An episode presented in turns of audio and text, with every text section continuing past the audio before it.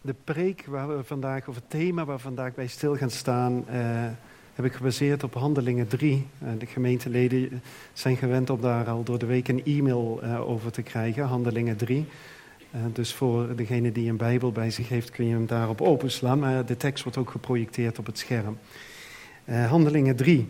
en en Petrus die spreekt daar tot een hele grote groep mensen. Ik zal dat zo meteen wat meer inleiden. Het thema van de preek heb ik genoemd: Waarom wilde God dat Jezus lijden zou? Waarom wilde God dat Jezus lijden zou?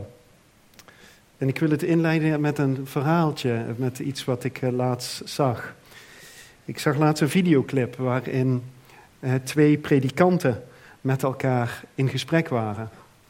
En de ene predikant die zei tegen de andere predikant: Ik kwam laatst iemand tegen en diegene die ontkende naar mij toe dat er, uh, dat er zonde was. Hij zei, zoiets bestaat helemaal niet. En toen zei hij tegen de andere predikant, hoe zou je daar eigenlijk op reageren? Uh, dat diegene zegt van, er is geen zonde. En toen zei die andere predikant, ik zou zijn portemonnee stelen. Ja, dus, en het is, het is goed dat we daarom lachen. Het was niet het antwoord wat ik verwacht had van een predikant. En uh, ik, ik, uh, het, is even een doordenkertje. Ik, ik zou zijn portemonnee stelen. Maar het laat wel iets zien van wat er binnen in ons vaak omgaat. We vinden het moeilijk om de, de gebreken die we in onszelf herkennen, om die aan te wijzen. Om de gebreken of de zonden die we zelf hebben, om daar iets over, uh, over te zeggen, om te erkennen dat dat er is. Maar als we het bij een ander zien, en die ander die doet ons wat aan, die ander zondigt tegen ons, dan is het heel vaak makkelijk om te zeggen, ja kijk wat die heeft gedaan, kijk wat die heeft gedaan.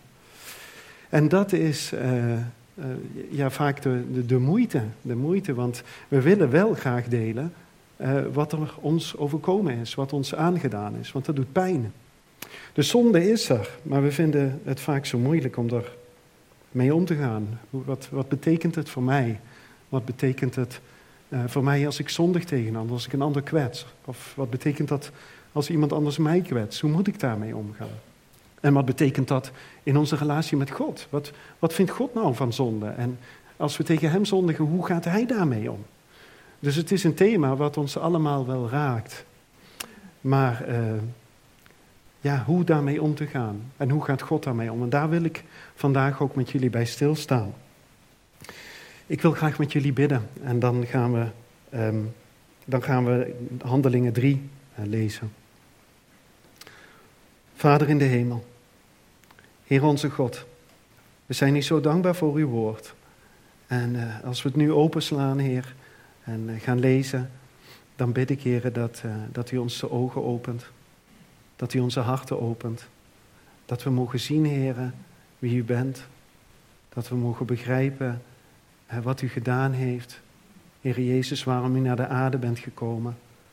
En, en wat u aan het kruis voor ons gedaan heeft. De kern van het evangelie, de kern van het christendom. En ik bid, Heer, dat u ons zegent. Dat u komt met uw Heilige Geest. En dat u werkt in ons. Heer, dat we onze ogen op u richten. Dat we als het ware uw aangezicht mogen zien. Dat we u meer mogen zien. Zegen ons, Heer, in Jezus' naam. Amen. Ja, dus waarom wilde God dat Jezus lijden zou? En ik, had net, ik deelde net dat verhaaltje met jullie over, uh, over ja, zonde en dat het eigenlijk iets is waar we allemaal, wat we allemaal tegenkomen, maar hoe ga ik ermee om? we weten allemaal wel dat liegen en stelen en zoveel meer dingen zonde zijn. En Jezus brengt het zelfs nog dichterbij en hij zegt, uh, zelfs als je dingen denkt die niet juist zijn, dan is dat zonde. Dat vertelt hij vaker bij, uh, aan ons in het Nieuwe Testament. En het is moeilijk om die zonde in onszelf aan te wijzen. Nou, laten we eens in hoofdstuk 3 gaan lezen, in hoofdstuk 3 van Handelingen. En uh, inleidend op, voordat we de tekst zelf gaan lezen, inleidend op dat verhaal is het zo dat de Heer Jezus, die is net gekruisigd. En hij is uh, opgestaan uit de dood. Op vrijdag werd hij gekruisigd. Op zondag staat hij op uit de dood. En hij is dan een aantal weken later ten hemel gevaren. Dat is de achtergrond. En Petrus en Johannes die zijn op dat moment in de stad Jeruzalem. En Petrus en Johannes die uh, staan op het punt om naar de tempel te gaan. Ze willen daar gaan aanbidden. Dus ze zijn op weg. En dan komen ze bij de ingang van de tempel. En dan zit daar een man aan de poort van die tempel. De tempel had meerdere poorten, meerdere ingangen. En die man die zit daar aan die poort van de tempel. En, uh, en die man die, die, was kreupel. Hij was ouder dan 40 jaar en hij was kreupel vanaf zijn geboorte. Dus hij kon niet, uh, hij kon niet lopen. En hij zit daar eigenlijk zijn, uh, zijn hele leven lang geld te vragen. Hij vraagt om een aalmoes. Hij vraagt, kunt u mij alstublieft wat geven? En Petrus en Johannes komen voorbij en hij, hij kijkt naar Petrus en Johannes en hij vraagt hen ook, kan ik, mag ik wat van jullie ontvangen? En uh, Petrus uh, en Johannes die kijken hem aan. En Petrus die kijkt de man recht in de ogen aan. En hij zegt, geld heb ik niet. Maar wat ik je wel kan geven, is dat ik je kan genezen. Of dat de, en dat de Heer Jezus jou kan genezen. En hij zegt, sta op. In de naam van de Heer Jezus. En hij zegt dat. En hij pakt hem bij de hand. En die man die staat op. En hij kan staan. Er gebeurt een wonder op dat moment. Die man die 40 jaar lang, vanaf zijn, meer dan 40 jaar lang, vanaf zijn geboorte niet kon lopen, omdat hij kreupel was, kan op dat moment staan. Jezus die reikt hem de hand, of eh, Petrus reikt hem de hand uit. Hij zegt in de naam van Jezus sta op. En hij staat op en hij kijkt en hij wordt verheugd. Hij zegt ik kan staan. Ik heb nooit kunnen staan, ik heb nooit kunnen lopen, maar nu kan ik het. En hij, hij is verheugd en hij rent met, uh, met uh, Petrus en met Johannes rent hij de tempel in en hij springt, staat er, hij springt van vreugde.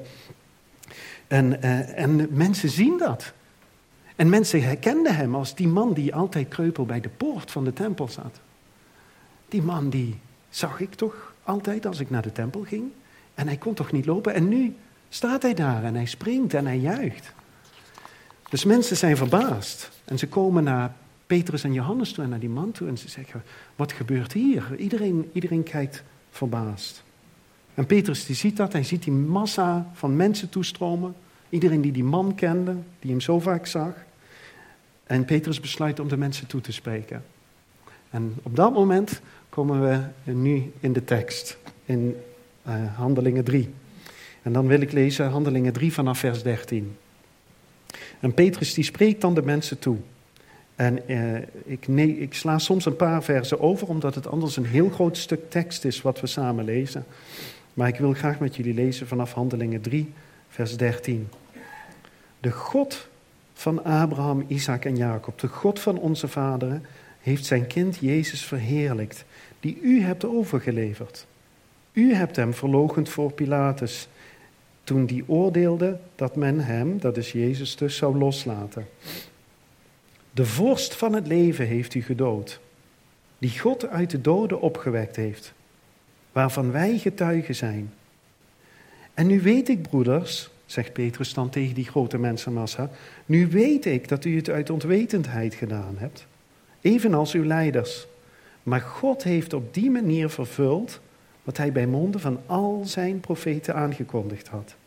Namelijk dat Jezus, dat de Christus lijden zou.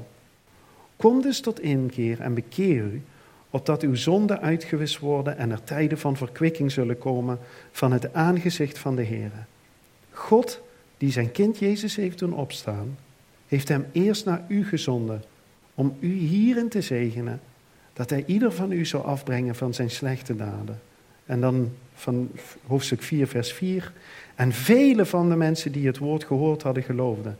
En het aantal mannen en daarnaast ook nog vrouwen en, en jongere mensen werd ongeveer 5000. Dus het was een grote mensenmassa die in die, in die eh, paar weken uh, had geleerd waarom Jezus stierf aan het kruis en opstond. En die grote mensenmassa zegt, dit geloof ik. Dit geloof ik wat Jezus heeft gedaan. En Marna, je zit hier vanochtend en je zegt, ik ben hier een half jaar geleden binnengekomen en je zegt, dit geloof ik wat Jezus heeft gedaan. En wat een liefde voor hem. Ik, eh, van hem voor mij en ik wil hem volgen. Ik wil bij hem zijn. En zo zeiden die 5000 dat ook. En op basis van dit stuk wil ik eh, over drie dingen samen met jullie nadenken. Het eerste eh, is, waarom moest Gods zoon sterven? Waarom moest Jezus nou sterven aan het kruis? Het tweede is, wat was Gods motief? Wat was Gods beweegreden daarachter dat hij zou sterven aan het kruis? En de derde en, laatste stap is, maar waartoe wil God ons brengen daarmee? Waartoe wil God ons brengen? Nou, we lazen net in Handelingen 3, vers 18 het volgende. Maar God heeft op die manier vervuld wat hij bij monden van al zijn profeten aangekondigd had, namelijk dat de Christus of dat Jezus lijden zou. Wat Petrus daarmee bedoelt is dat er in al die eeuwen, dus in het Oude Testament, al die boeken die er voor de komst van Jezus geschreven zijn, het grootste deel van de Bijbel in het Oude Testament is veel groter dan het Nieuwe Testament. En wat Petrus eigenlijk zegt, in het Oude Testament zien we zoveel uh, profeten die spreken dat er iemand zal komen. En diegene die wordt de gezalfde genoemd. Ook wel Christus in het Grieks of Messias in het Hebreeuws. Die zal komen. En daar staat ook in het Oude Testament dat hij zal komen niet om te heersen, maar dat hij zal komen om te lijden. En dat hij niet alleen zal lijden, maar dat hij zelfs zal sterven. En dat is wat er al die eeuwen verteld werd door de profeten. En Petrus zegt, kennen jullie deze profeten? Kennen jullie het Oude Testament en weten jullie dat dit erin staat? Dat is wat eigenlijk al eeuwenlang verteld werd. Vanaf het moment dat Mozes begon met het schrijven van het Oude Testament, tot een paar honderd jaar voordat Jezus komen zou. En het was Gods plan, zien we hier in, in Handelingen 3, vers 18. We zien daar, maar God heeft vervuld wat hij aangekondigd had, lezen we hier. Het was niet plan B of plan C of D. Het was geen alternatief plan. Het was vanaf het begin af aan het plan van God. Dat hij zelf, de tweede persoon, Gods zoon, Jezus Christus, naar de aarde zou komen en dat hij zou sterven aan het kruis. Geen plan B. Dat was Gods plan, vanaf het begin af aan. En dan denken we misschien, maar waarom zou dit nodig zijn? Waarom zou God zelf, Jezus Christus, vanuit de hemel neerdalen om te, om te lijden en om te sterven? En ik wil daar, uh, daarvoor vier stappen nemen, om daar kort bij stil te staan. Vier korte stappen, waarom dat nodig zou zijn. Waarom zou Jezus moeten komen? Waarom zou hij moeten lijden en moeten sterven? De eerste stap die we zien in de Bijbel is dat, dat God zegt dat Hij heilig is en dat wij niet heilig zijn. En eh, om daar een voorbeeld van te geven, uh, gaan we naar Jezaja kijken. Jezaja was een van die profeten die heel veel over Jezus heeft verteld.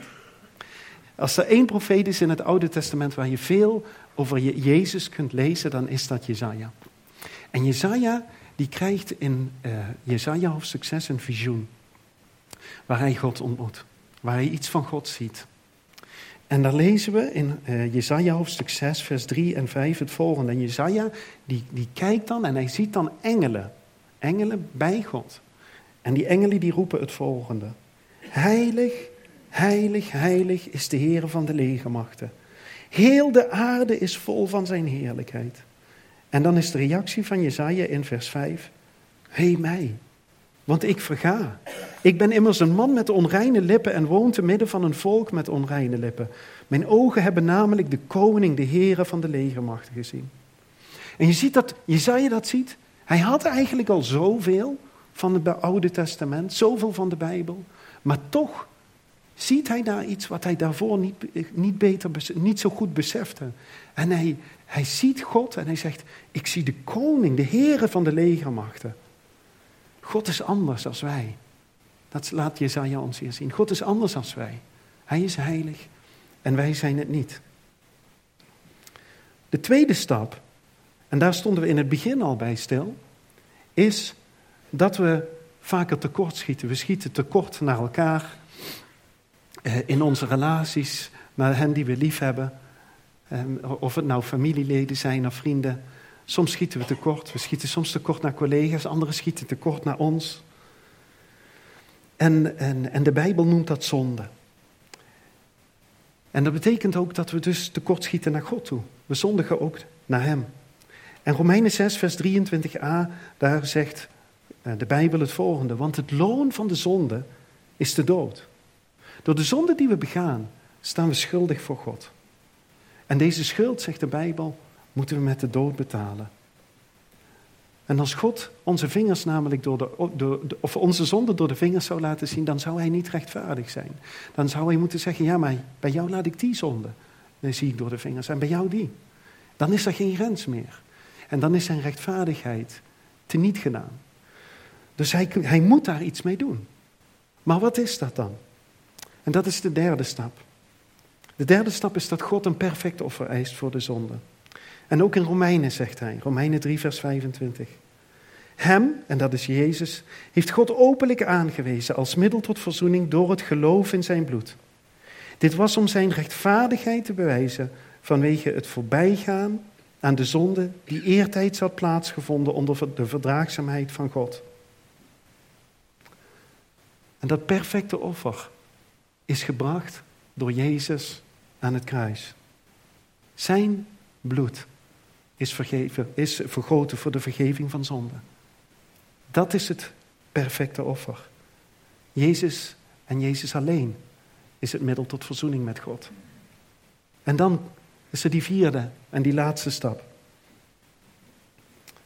En dat is dat Jezus offer aan het kruis voldoende is. En dat hij zegt, door wat ik doe aan het kruis, breng ik mensen bij God. Romeinen 5, weer uit Romeinen, vers 8 tot en met 10. Daar staat God echter bevestigt zijn liefde voor ons. Daarin dat Jezus voor ons gestorven is toen wij nog zondaars waren. Veel meer dan zullen wij, nu wij gerechtvaardigd zijn door zijn bloed, door hem behouden worden van de toren. Want als wij, toen wij vijanden waren, met God verzoend zijn door de dood van zijn zoon, hoeveel te meer zullen wij, nu wij verzoend zijn, behouden worden door zijn leven. Dus we zien dat God zegt, ja, er moet iets gedaan worden, maar dat doe ik zelf. Ik doe dat zelf voor jou. Ik kom zelf naar de aarde toe. Jezus Christus, de tweede persoon in de drie eenheid, komt naar de aarde en zegt, er moet iets gebeuren, maar ik wil dat doen voor jou. En hij komt naar deze aarde en hij gaat naar het kruis. En hij sterft aan het kruis voor onze zonde. God wil de mens met zichzelf verzoenen. En dat is wat hij doet door het offer aan het kruis op Golgotha. We zien vier redenen. We zagen allereerst, God is heilig en wij niet. De tweede stap is dat we schuldig zijn, dat we zonde begaan. En de derde is dat God een perfect offer voor de zonde eist, maar dat hij daar zelf in voorziet. Wij hoeven niets te doen. Hij doet het voor ons. Dat is het evangelie. Dat is het goede nieuws. Maar wat is dan het motief van God? Waarom zou hij dit doen? Waarom zou God zeggen, dit wil ik voor mensen doen? En waarom zou God ons zo met zichzelf willen verzoenen als we eigenlijk niks van hem willen weten soms? Of hem niet willen volgen? En dan gaan we weer terug naar die tekst van vandaag in Handelingen 3. En Handelingen 3, vers 19 lazen we net al. Kom tot inkeer en bekeer je, opdat je zonden uitgewist worden. Hij wil dat onze zonden uitgewist worden. Maar waarom? Waarom zou hij dat willen? Waarom zou hij ons bij hem willen brengen? In 1 Johannes 4, vers 9 en 10 en 19, daar zegt Johannes het als volgt. Hierin is de liefde. Niet dat wij God lief hebben gehad, maar dat Hij ons heeft lief gehad. En zijn zoon zond als verzoening voor onze zonden. Hierin is de liefde niet dat wij God lief gehad hebben, maar dat Hij ons heeft lief gehad. En zijn zoon zond als verzoening voor onze zonden. Wij hebben Hem lief omdat Hij ons eerst heeft lief gehad. En Johannes die zegt het hier tot drie keer toe. Hij zegt, het is omdat Hij ons lief heeft. Het is omdat Hij ons lief heeft. Zie het alsjeblieft, zegt Johannes. Ik wil het tot drie keer toe voor je herhalen. God doet het omdat hij de mens lief heeft. Daarom stuurt hij zijn zoon naar deze aarde. Daarom is Jezus gekomen, omdat hij de mens lief heeft. Hij komt naar het kruis en hij sterft aan het kruis op Golgotha, omdat hij de mens lief heeft. Hij wil het offer betalen. En dan zou je denken, ja, maar als God de Vader dat doet, hoe kan de Zoon daarmee instemmen? Zou hij dat zelf ook zo gewild hebben? Maar het bijzondere is dat Jezus dat net zo wilde. In Johannes 10, vers 11, daar zegt Jezus, ik ben de goede herder. Man, je vertelde dat net in je getuigenis. Dat hij me leidt. Dat hij bij me is. Dat hij voor me zorgt. Jezus zegt, ik ben de herder. Ik ben iemand die zorgt. Ik ben iemand die bij je wil zijn. En jij zegt, ik ben niet alleen de goede herder. Maar hij zegt, de goede herder geeft zijn leven voor de schapen. Vanaf het begin wist Jezus wat zijn doel was. Hij wilde die weg naar het kruis wandelen. Hij wilde een goede herder zijn en hij legde zijn leven aan het kruis af voor hen voor wie hij, die hij lief heeft. Jezus zelf brengt het offer. Het offer kwam hem niet. Hij koos ervoor om dit offer te brengen. Hij koos ervoor. En door het offer dat hij brengt aan het kruis maakt hij de weg naar God vrij. Hij heeft zijn leven neergelegd. En dat deed, deed hij uit liefde voor ons. Uit liefde voor ons. Is dat niet een kostbaar motief? Dat hij zegt, ik leg mijn leven neer omdat ik je lief heb. Dat God zoiets zou willen doen. Dat het niet van onszelf afhangt. Dat we niet hoeven te, te worstelen en hoeven te zeggen, oh mijn God, ik heb het vandaag niet goed gedaan, houdt u nog van me? En dat God zegt, ja maar daar ging het helemaal niet om. Ik heb je lief omdat ik je lief heb. Ik heb je lief omdat ik je lief heb. Maar waartoe wil hij ons dan brengen daarmee? We weten dan wat zijn motief is. Maar waartoe wil hij ons brengen? Wat dan? Wat dan als ik nu zou besluiten, als ik nu naar het kruis kijk en ik zie Jezus en ik zie wat hij geleden heeft aan het kruis en ik denk, ik zou hem willen volgen. Maar waartoe wil God me dan brengen daarmee? Waartoe wil God me dan brengen daarmee?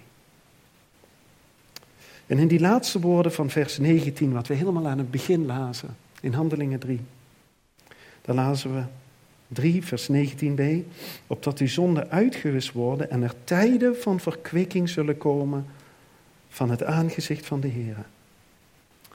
God wil ons verkwikken. Maar hoe doet hij dat dan? En wat is dat verkwikken dan?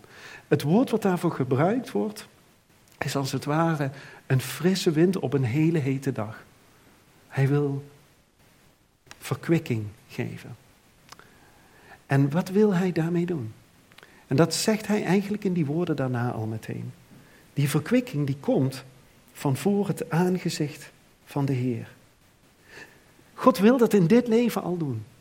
Dat als we gebukt gaan, of als we moeite hebben, of als er worstelingen zijn in ons leven, als dingen niet gaan zoals we dat gehoopt hadden, als we bepaalde verwachtingen hadden van het leven, en die verwachtingen gaan anders of het gaat anders dan de verwachtingen die we hadden. En dat we dan naar het kruis kunnen kijken en dat we zeggen, maar Heer, heeft u dat voor mij gedaan? Houdt u zoveel van mij dat u dit wilde doen? Dat u uw leven voor mij wilde geven aan het kruis? Dat u zichzelf verzoent met mij, dat u mij verzoent met u? Dat u mij verzoent met u? Dat u mij bij u wil brengen en dat u voor mij wil zorgen? En dat u mij door de moeite heen draagt? Door die onverwachte dingen in het leven? Kijk naar het kruis, zegt hij. Van voor het aangezicht van God. Het is het aangezicht van het kruis. Het is als we naar het kruis kijken dat we zeggen: Oh Heer, daarin vind ik mijn troost. En daarin vind ik mijn kracht. Maar het is niet alleen in dit leven.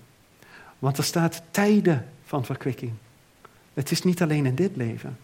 Maar het is ook iets voor wat hierna komt. Voor wat na dit leven komt. Het is niet alleen dit leven. Het christendom gaat juist niet alleen om dit leven, maar vooral ook om het leven wat hierna komt. Het christendom is een hoop, een vaste hoop voor de toekomst. Voor wat na dit leven komt.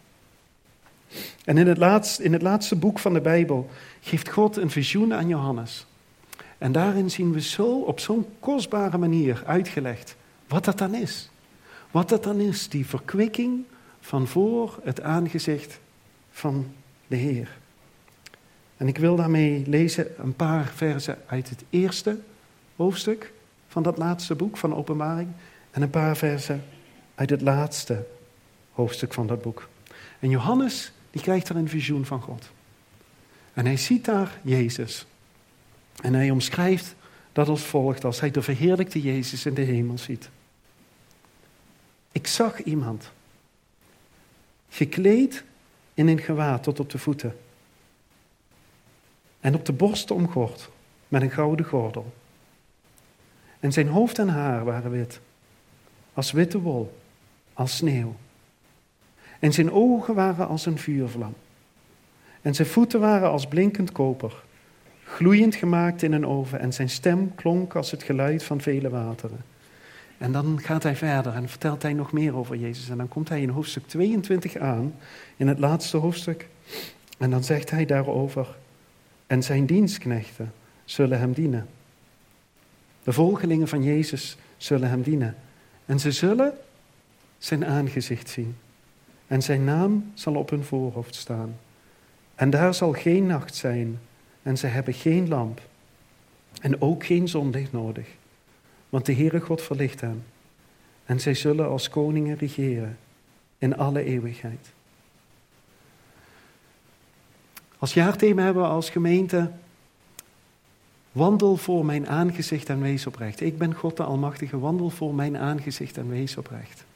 In Genesis heeft God het al van, ik wil dat je voor mijn aangezicht wandelt. We begonnen de dienst met Psalm 67, waarin God zegt, ik zal mijn aangezicht over u doen lichten. En door de hele Bijbel heen komen we dat voortdurend tegen. Dat God zegt, ik wil dat je voor mijn aangezicht wandelt. Je mag iets van mij zien. En dat wil ik boven alles laten zien in mijn Zoon Jezus Christus. Die voor jou naar de aarde is gekomen. Die aan het kruis is gestorven.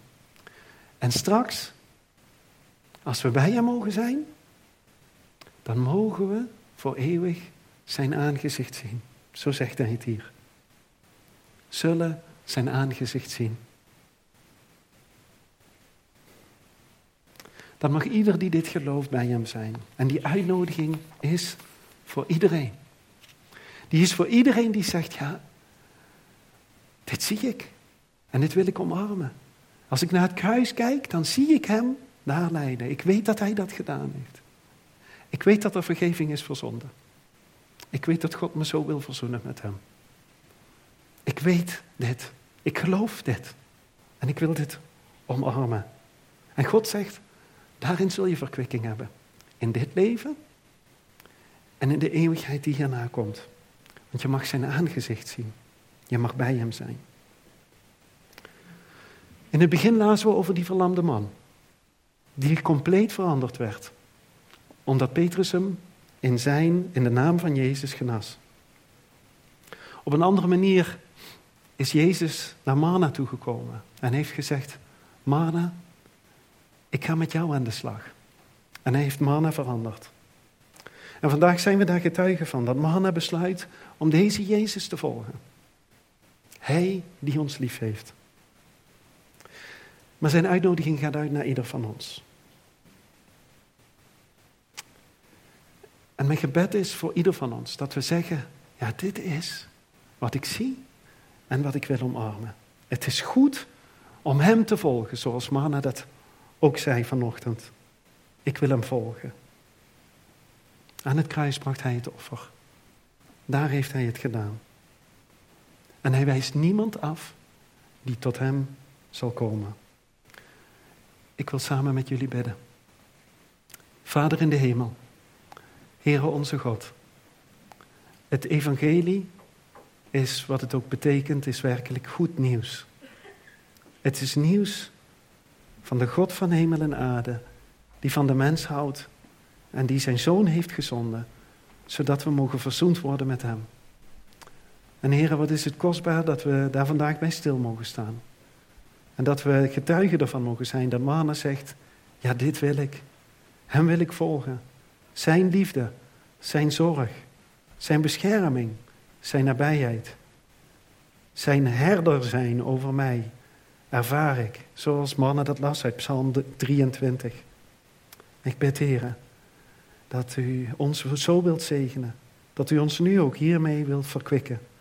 Dat we iets van uw aangezicht mogen zien, steeds meer in ons leven. En we zien uit naar datgene wat komen gaat. Als we straks voor eeuwig bij u mogen zijn, Heer. We prijzen u daarvoor en danken u. In Jezus' naam. Amen.